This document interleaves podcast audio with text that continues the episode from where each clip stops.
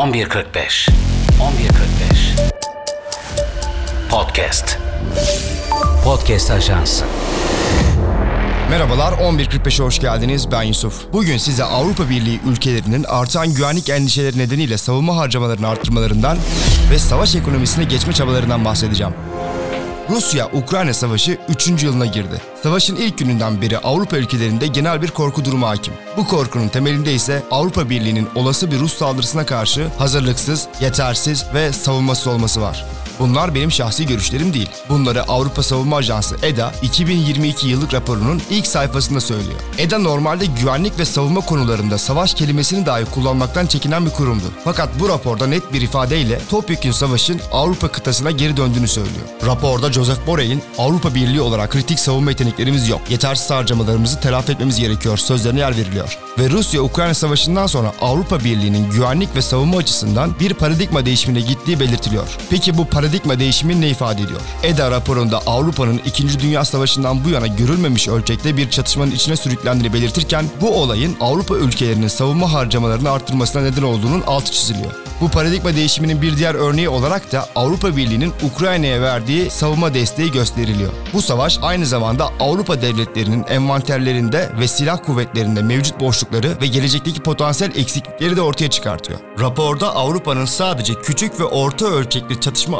alanlarında başarılı olabileceği belirtilirken Avrupa'nın büyük ölçekli bir savaşa kesinlikle hazır olmadığının altı çiziliyor. Bu tespitler Avrupa'nın olası bir Rus saldırısında bir felaket ile karşı karşıya kalacağını gösteriyor. Bunun üzerine bir de göreve gelmesi halinde Donald Trump'ın savunma harcamalarını istenilen seviyeye getirmeyen Avrupalı NATO ülkelerini korumayacağını söylemesi eklenince Avrupa savaş ekonomisi üzerinde çalışmalarını yoğunlaştırmak zorunda kaldı. Ukrayna-Rusya savaşının başında Fransa Cumhurbaşkanı Emmanuel Macron Avrupa'nın bir savaş ekonomisine ihtiyacı olduğunu söylemişti. Savaşın 3. yılına girerken Avrupalı devletler savunma sanayi harcamalarını arttırarak bu alanı caydırıcı bir güç haline getirmeye çalışıyorlar. Almanya Başbakanı Olaf Scholz, Trump'ın açıklamalarından sonra katıldığı Rheinmetall mühimmat fabrikası açılışında Avrupa barış zamanlarında yaşamıyor demişti. Rusya'nın Ukrayna'yı işgal etmesinin Avrupa için bir uyandırma çağrısı olduğunu söyleyen Brüksel yönetimi savunma politikalarını ve savunma sanayi üslerini yeniden değerlendirmeleri gerektiğini düşünüyor. Bu alanda ilerlemenin tek ölçütü ise daha fazla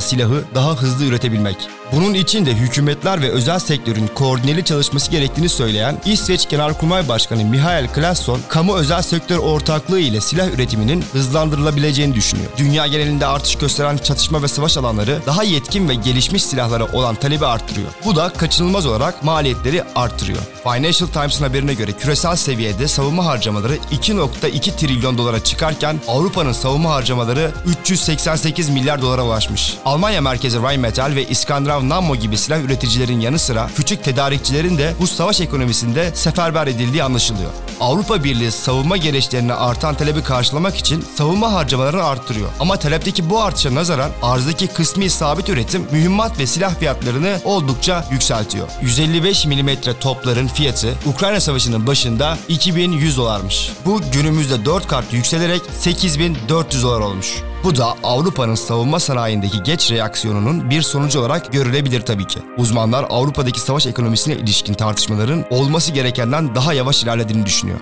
Tabi Avrupa genelinden farklı olarak Rus saldırısına karşı daha erken harekete geçen ülkeler de var. Rusya'ya coğrafi olarak daha yakın olan Finlandiya, Litvanya ve Polonya gibi ülkeler askeri harcamalarını kademeli olarak arttırmıştı. Sipri'ye göre Avrupa geçen yıl savunma harcamalarını 2022'ye göre %15 arttırarak Soğuk Savaş sürecinden bile daha fazla savunma harcaması yapmış. Her şeye rağmen Avrupa Birliği içerisinde savunma pazarının nasıl düzenleneceği ve hükümetler ile özel sektör arasındaki ilişkinin nasıl olacağı konusu henüz netlik kazanmış değil. Bu belirsizlikler arasında Avrupa Savunma Ajansı Arturo radar sistemleri ve Ecobal Life balistik füze sistemleri üzerinde çalışmalarına devam ediyor.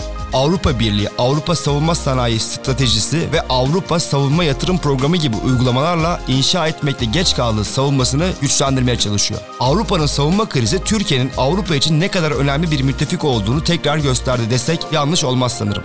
Birçok uzmana göre Rusya'nın Ukrayna'da istediği gibi ilerleyememesinin ardında Türk yapımı TB2 Bayraktarların üstün başarısı var. Birçok çatışma alanında yetkinliğini ispat eden TB2 Bayraktar, savaşın Avrupa'ya ulaşmasını önleyen ya da erteleyen nedenlerden biri. Bu durum Türkiye'nin savunma sanayi ürünlerinin küresel çapta birçok ülke tarafından talep edilmesini sağlıyor. Buna paralel olarak da Alman Düşünce Kuruluşu SVP, Türkiye'nin ilerleyen süreçlerde, ilerleyen dönemlerde küresel silah ihracatçısı olabileceğini söylüyor. Son dönemde Türkiye'nin savunma sanayi atılımları Avrupa'nın bu savunma krizini görünce gayet yerinde ve mantıklı girişimler olduğunu tekrar kanıtlıyor. SVP, TB2 insansız hava araçları, Atak helikopterleri, Altay tankı, Anka 3 hayalet savaş uçağı ve Kaan hayalet savaş uçağının geliştirilmesi gibi savunma projelerine dikkat çekiyor. Geçtiğimiz günlerde Büyükelçi Jeff Flake, ABD'nin bir Türk savunma şirketinin yardımıyla Teksas'ta 155 mm top mermisi üretim hatları kurduğunu açıklamıştı. Tüm bunlar gösteriyor ki Türkiye dünyada savaş ekonomisine adapte olan önce devletler arasında. Geçen sene NATO üyeleri Vilnius zirvesinde NATO'nun savunma sanayinde karşılaştığı sorunlara yönelik bir bildirge üzerinde anlaşmıştı. Savunma Sanayi Başkanı Profesör Doktor Haluk Görgün, savunma ve havacılık sanayisinde küresel stratejiler konferansında yaptığı konuşmasında bu bildirgeyle savaş ekonomisi mantığına hızla geçişin amaçlandığını söyledi. Türkiye savunma ve havacılık sanayinde 2022 yılında 4 milyar 364 milyon dolar ihracat yaparken 2023 yılında bu miktar %27 artarak 5.5 milyar dolara çıktı.